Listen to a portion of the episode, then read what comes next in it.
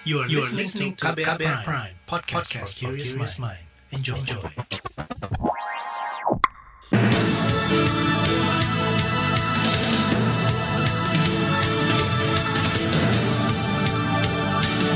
Selamat pagi saudara, senang sekali kami bisa menjumpai Anda kembali melalui program Buletin Pagi edisi Senin 25 Oktober 2021 bersama saya Ardi Rosyadi. Sejumlah informasi pilihan telah kami siapkan, di antaranya syarat PCR untuk penerbangan Jawa Bali disebut membebani masyarakat. Fabio Quartararo sahabat gelar juara dunia MotoGP 2021. Ambarawa, Salatiga diguncang gempa Swam dua hari berturut-turut. Inilah Buletin Pagi selengkapnya terbaru di Buletin Pagi. Saudara pemerintah resmi menerapkan aturan wajib tes PCR bagi penumpang pesawat dari dan ke daerah Pulau Jawa serta Bali.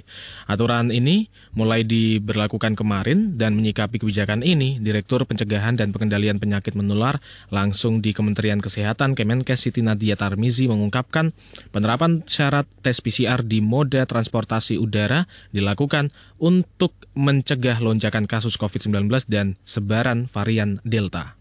Mengapa melakukan pemeriksaan PCR? Karena adanya ancaman yang mungkin terjadi, yaitu potensi adanya gelombang ketiga, kedua adanya varian Delta yang masih mendominasi, ketiga angka positivity rate yang sudah sangat rendah sehingga pasti tidak mudah menemukan kasus COVID-19. Bagian besar kasus COVID-19 akan tidak bergejala. Kondisi-kondisi tersebut kalau dengan pemeriksaan rapid diagnostik atau RDT itu akan cenderung menimbulkan negatif palsu. Apalagi kalau kemudian diminta mendeteksi delta. Siti Nadia Tarmizi menyebut Kemenkes juga terus mengevaluasi penerapan syarat tes PCR ini dan tidak menutup kemungkinan syarat serupa juga diterapkan di moda transportasi darat serta laut, termasuk mengevaluasi tarif tes PCR. Sementara itu, juru bicara Satgas Penanganan COVID-19 Wiko Adhisa Smito dalam pesan singkatnya mengatakan syarat tes PCR diberlakukan lantaran kapasitas penumpang pesawat sudah boleh 100%. Sedangkan untuk moda lain, kata dia masih menggunakan tes antigen lantaran kapasitas masih dibatasi maksimal 70 persen.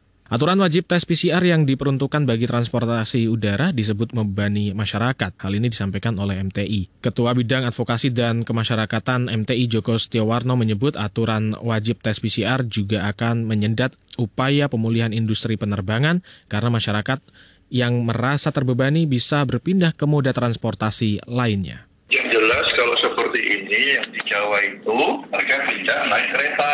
Karena di kereta. Makanya sekarang kalau kereta itu yang kelas luxur itu selalu laris tidak ribet urusannya.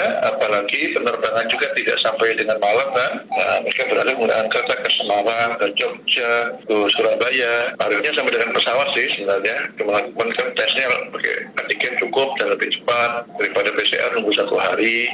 Ya apalagi di Jawa ini PCR-nya itu taruhnya beda sama luar Jawa, lebih mahal di Jawa.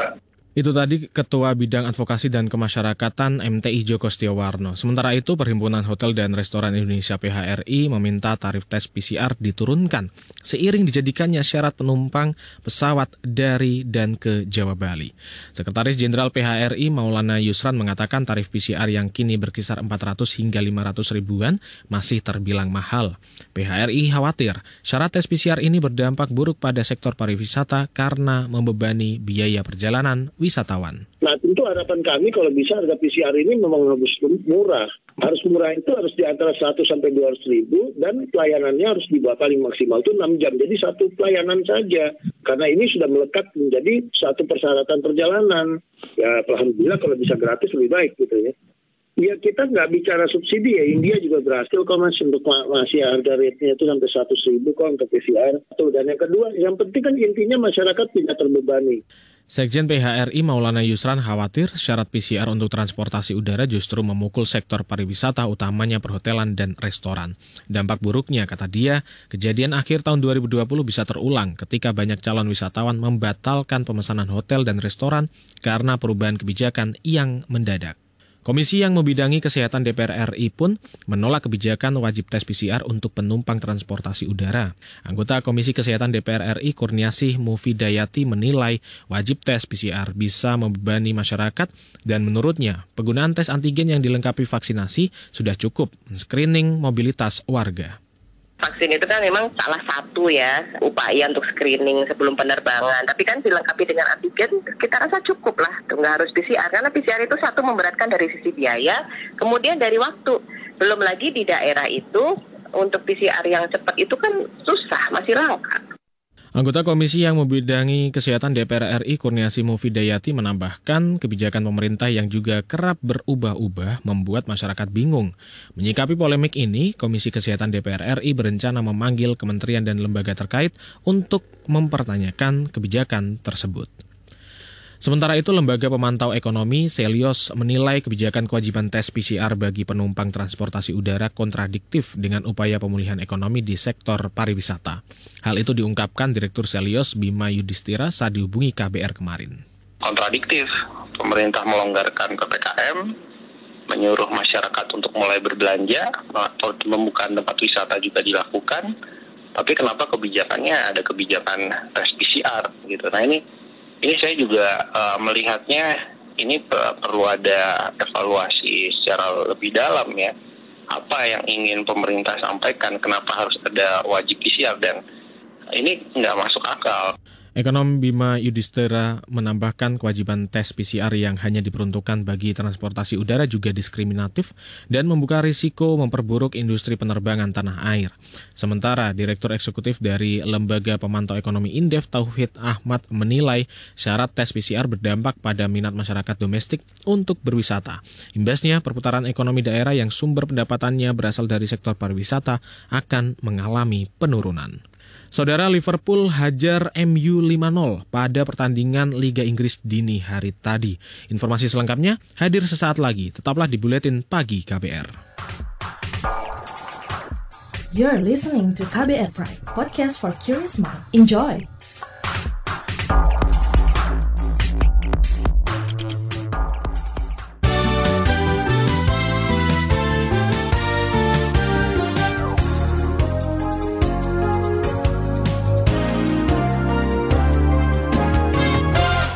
Saudara Lembaga Bantuan Hukum LBH Jakarta menyoroti dua tahun kinerja Presiden Jokowi dan Wakil Presiden Ma'ruf Amin. Menurut Direktur LBH Jakarta Arif Maulana, selama masa pemerintahan Jokowi Ma'ruf muncul aturan perundangan yang menyebabkan kemunduran. Muncul berbagai kebijakan, peraturan perundang-undangan yang ini menunjukkan terjadinya kemunduran besar ya dalam negara demokrasi di Indonesia dalam tegaknya negara hukum di, di Indonesia dan juga semakin menjauhnya apa namanya penghormatan terhadap uh, hak asasi manusia. Direktur LBH Jakarta Arif Maulana menyebut lembaganya mencatat lebih dari 10 rapor merah selama Jokowi Ma'ruf menjabat sebagai pimpinan negara. Di antaranya terkait masifnya penggunaan pasal-pasal karet, ketidakseriusan melaksanakan agenda pemberantasan korupsi, pengesahan Omnibus Law yang inkonstitusional, dan tren buruk penyusunan peraturan perundang-undangan. LBH Jakarta juga mempertanyakan komitmen pemerintah melindungi hak perlindungan hidup sehat. Mandeknya pembahasan berbagai rancangan undang-undang yang penting, termasuk penuntasan kasus pelanggaran HAM berat masa lalu yang mandek di Kejaksaan Agung. Saudara, Kementerian Keuangan mengklaim diperlukan anggaran sebesar 3,4 kuadriliun rupiah untuk memitigasi perubahan iklim mulai 2020 hingga 2050 mendatang. Menurut Wakil Menteri Keuangan Suhasil Nazara, penggunaan anggaran ini untuk sejumlah sektor seperti kehutanan, energi, dan transportasi, agrikultural, serta pengolahan sampah. Menuju ke nol emisi, menuju ke ekonomi hijau bukan pilihan. Itu sebuah keharusan untuk Indonesia. Tapi harus diingat kita tidak memulainya dari kertas yang bersih untuk mencapai keseimbangan yang tepat antara bauran energi. Kita juga harus mencapai keseimbangan dengan iklim bisnis, komitmen, dan agenda domestik serta internasional. And also the domestic and international agenda. Wakil Menteri Keuangan Suhasil Nazara menambahkan penerapan pajak karbon menjadi salah satu upaya yang telah dilakukan pemerintah untuk menciptakan nol emisi karbon. Kita ke informasi lainnya, Kementerian Koperasi dan UKM akan menjadikan Indonesia sebagai pusat mode muslim dunia. Menurut Menteri Koperasi dan UKM Teten Masduki, fashion muslim menjadi momentum bangkitnya UMKM di Indonesia semasa pandemi COVID-19. Saat ini, pangsa pasar muslim di Indonesia mencapai 270 juta dolar Amerika atau sekitar 3,8 triliun rupiah. Ini saya kira uh, yang harus kita uh, siapkan adalah uh, ekosistemnya ya supaya betul-betul kita bisa menjadi pusat uh, mode uh, muslim dunia. Ya. Market Indonesia aja udah 270 juta. Nah artinya kalau uh, produk uh, fashion muslim ini juga mendominasi pasar domestik itu dengan sendirinya uh, akan mendominasi uh, mas, uh, market uh, masyarakat muslim dunia. Menteri Koperasi dan UKM Teten Mas Duki juga mengapresiasi digelarnya Banyuwangi Muslim Fashion Festival dan menurutnya festival ini menunjukkan aktivitas masyarakat ekonomi di daerah mulai bergerak seiring dengan levelisasi PPKM. Teten Mas Duki menambahkan pandemi COVID-19 membuat nilai belanja produk pakaian muslim turun 2,9 persen menjadi 268 miliar dolar Amerika atau sekitar 3 kuadriliun rupiah. Beralih ke informasi olahraga, Kementerian Pemuda dan Olahraga membentuk tim akselerasi dan investigasi menindaklanjuti sanksi dari Lembaga Anti Doping Dunia WADA kepada Lembaga Anti Doping Indonesia atau LADI. Menurut Menteri Pemuda dan Olahraga Zainuddin Amali, LADI terus menjalin komunikasi intensif dengan WADA. Salah satunya menyediakan data yang dibutuhkan WADA agar masalah itu segera menemui titik terang, terutama menjelang SEA Games 2022 itu kan uh, apa namanya jalur formalnya. Nah, tetapi apa yang dibutuhkan kita dukung. Apa yang dibutuhkan ada perlu data, perlu apa.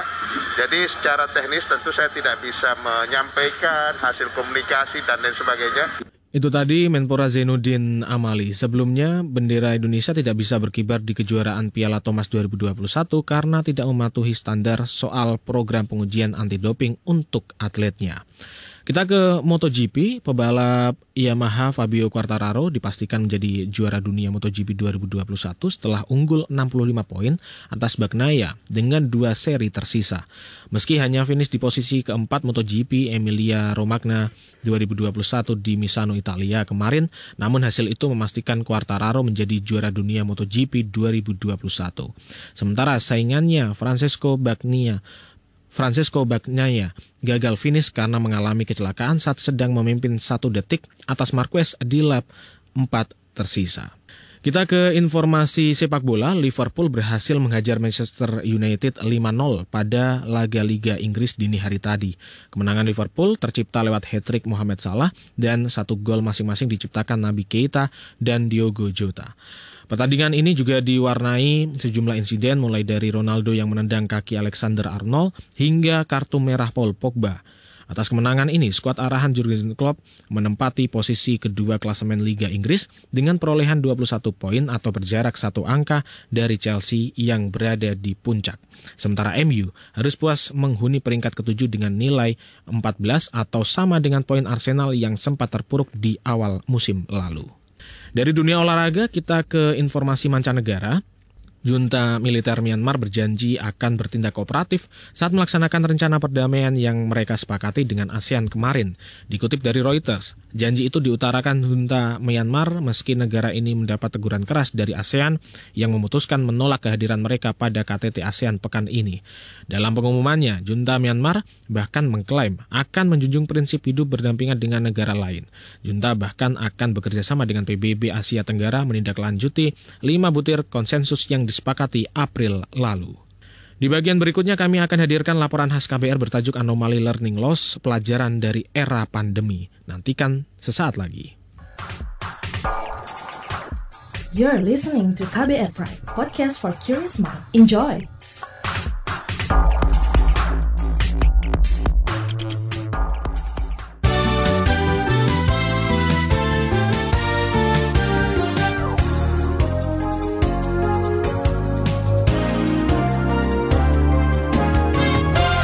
Terima kasih masih bersama kami dalam Buletin Pagi KBR. Saudara, di masa pandemi, sektor pendidikan menghadapi tantangan berat soal ancaman hilangnya pengetahuan atau learning loss. Namun karakter Indonesia yang beragam memunculkan pola variasi maupun perspektif lain.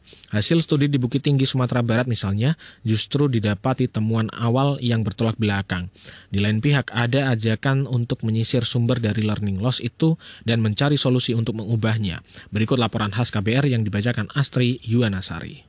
Hasilnya itu sangat menarik ya dan ini belum ada sama sekali di dunia lain belum ada temuan yang seperti ini gitu. Delbert Lim terheran-heran saat membaca temuan sementara riset pendidikan di Kota Bukit Tinggi, Sumatera Barat. Penelitian ini digelar Delbert dan kawan-kawan yang tergabung dalam program riset untuk pengembangan sistem pendidikan atau RISE. Mereka mencari tahu dampak pembelajaran jarak jauh PJJ terhadap kemampuan siswa, terutama pelajaran matematika. Jadi kita menggunakan platform namanya Cermat. Jadi asesmen online yang dikirimkan lewat WhatsApp, lalu anak-anak itu bisa mengerjakan lewat... Sebanyak hampir 2.000 siswa SD hingga SMA di Bukit Tinggi mengikuti survei yang dimulai sekitar Maret 2021 lalu. Dan temuan awalnya di situ ternyata malah kita tidak menemukan adanya learning loss. Malah kemampuan anak-anak itu selama pandemi itu malah meningkat. Jadi soal. Menurut Delbert, mayoritas pembelajaran dilakukan lewat pemberian tugas oleh guru yang dikirimkan melalui aplikasi WhatsApp atau langsung ke orang tua. Di sisi lain, riset menunjukkan siswa minim interaksi dengan guru selama sekolah ditutup. Hal ini memunculkan dugaan awal bahwa peran aktif orang tua lah yang menjadi kontributor utama tidak terjadinya learning loss atau hilangnya pengetahuan. Jadi orang tua itu memang kayaknya sadar bahwa sebenarnya mereka harus mengambil peran yang lebih besar karena penutupan sekolah. Riset RISE bakal berlanjut sampai tahun depan. Temuan di daerah lain bisa jadi berbeda dengan Bukit Tinggi. Namun ada satu hal yang bisa dipelajari dari kota itu, yakni perlunya penguatan peran orang tua. Menurut Delbert, potensi learning loss di masa pandemi mesti dicegah karena dampaknya sangat besar. Perekonomian dan secara sumber daya manusia Indonesia gitu. Yang kita sebut sebagai bonus demografi, angka usia produktif itu sangat besar, itu tidak ada value-nya jika sumber daya manusia itu tidak berkualitas. Dan itu akan benar-benar menghambat pertumbuhan perekonomian Indonesia di masa depan. Kegelisahan soal kinerja pendidikan dan bonus demografi ini juga dirasakan founder Gerakan Sekolah Menyenangkan GSM, Muhammad Rizal. Kata dia, masa pandemi bisa jadi titik balik arah pendidikan, yakni mengubah fokus dari mengejar nilai atau konten ke menciptakan ekosistem pembelajaran yang menyenangkan. Menurutnya, learning loss bukan lagi potensi, tetapi sudah terjadi selama puluhan tahun di Indonesia. Tidak ada PJJ pun, kita itu sudah diukur secara PISA dari tahun 2000 sampai tahun 2018. Nggak ada kenaikan, dan bahkan kecenderungannya. Rizal bilang, learning loss merupakan dampak saja dari paradigma yang keliru. Kemampuan siswa akan otomatis meningkat jika ekosistem belajar dibuat menyenangkan. Komunitas GSM Agustus lalu merilis survei tentang dampak PJJ terhadap 1.200-an siswa.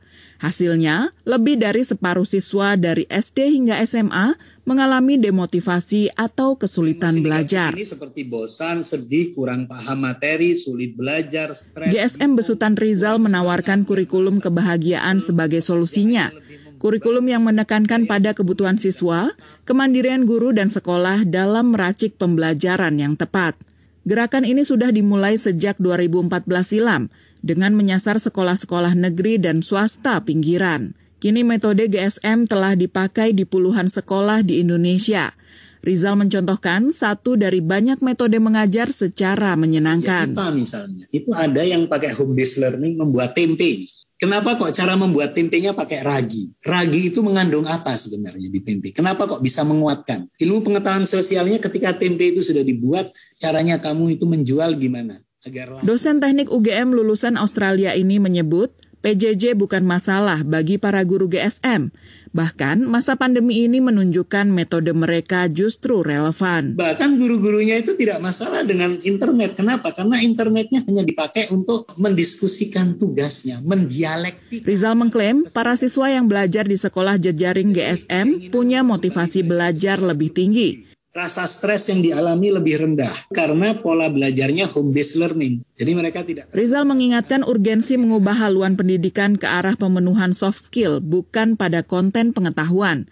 Sebab tantangan dunia juga berubah cepat. Masa pandemi ini bisa jadi titik tolak untuk berbenah. World Economic Forum membuat survei kompetensi apa yang dibutuhkan di masa depan.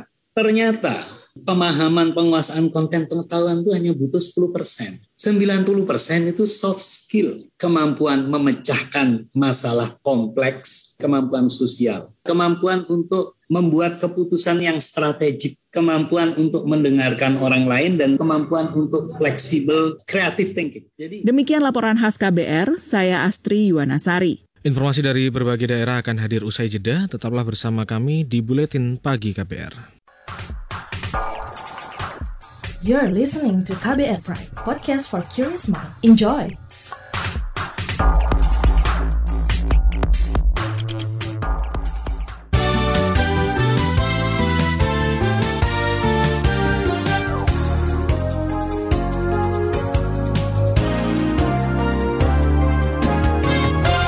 Inilah bagian akhir buletin pagi KBR. Saudara Badan Meteorologi, Klimatologi, dan Geofisika mencatat ada 34 aktivitas gempa di Banyu Biru, Ambarawa, Salatiga, dan sekitarnya sejak Sabtu hingga Minggu kemarin. Gempa yang terjadi memiliki magnitudo kecil, bahkan tidak ada yang melebihi 3,5. Koordinator Bidang Mitigasi Gempa Bumi dan Tsunami BMKG Daryono dalam akun Instagramnya @daryono_bmkg menyebut gempa ini disebut dengan SWAM. Menurutnya, gempa SWAM memiliki ciri khas bermagnitudo kecil namun memiliki frekuensi tinggi dan berlangsung dalam periode lama. Daryono menuturkan beberapa penyebab gempa SWAM antara lain berkaitan dengan transport fluida, intrusi atau terobosan magma, atau migrasi magma. Fenomena tersebut menyebabkan terjadinya deformasi batuan yang berada di bawah permukaan zona gunung api. Kita ke informasi lainnya, bekas Kapolsek Parigi, Sulawesi Tengah, Gede Dewa dipecat dari kepolisian terkait dugaan memperkosa anak seorang tersangka. Menurut Kapolda Sulteng, Rudi Sufahriadi pemecatan sesuai dengan instruksi Kapolri untuk tidak ragu menindaklanjuti anggota yang bersalah. Gede Dewa juga telah menjalani sidang kode etik Sabtu kemarin. Putusannya adalah merekomendasikan itu IGDN untuk PTDH berhentian dengan tidak hormat dari kepolisian. Kapolda Sulteng Rudi Sufahriadi menambahkan proses pidana terhadap Kapolsek bekas Kapolsek Parigi itu masih dalam tahap penyidikan di Direktorat Tindak Pidana Umum Polda Sulteng.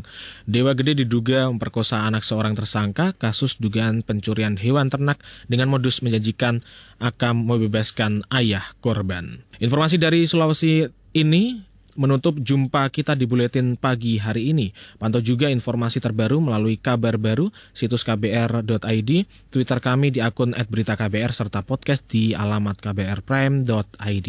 Akhirnya saya Ardo Syadi bersama tim yang bertugas undur diri. Salam.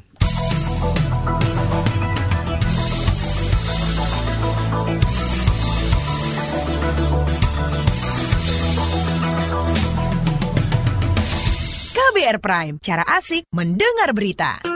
KBR Prime, podcast for curious mind.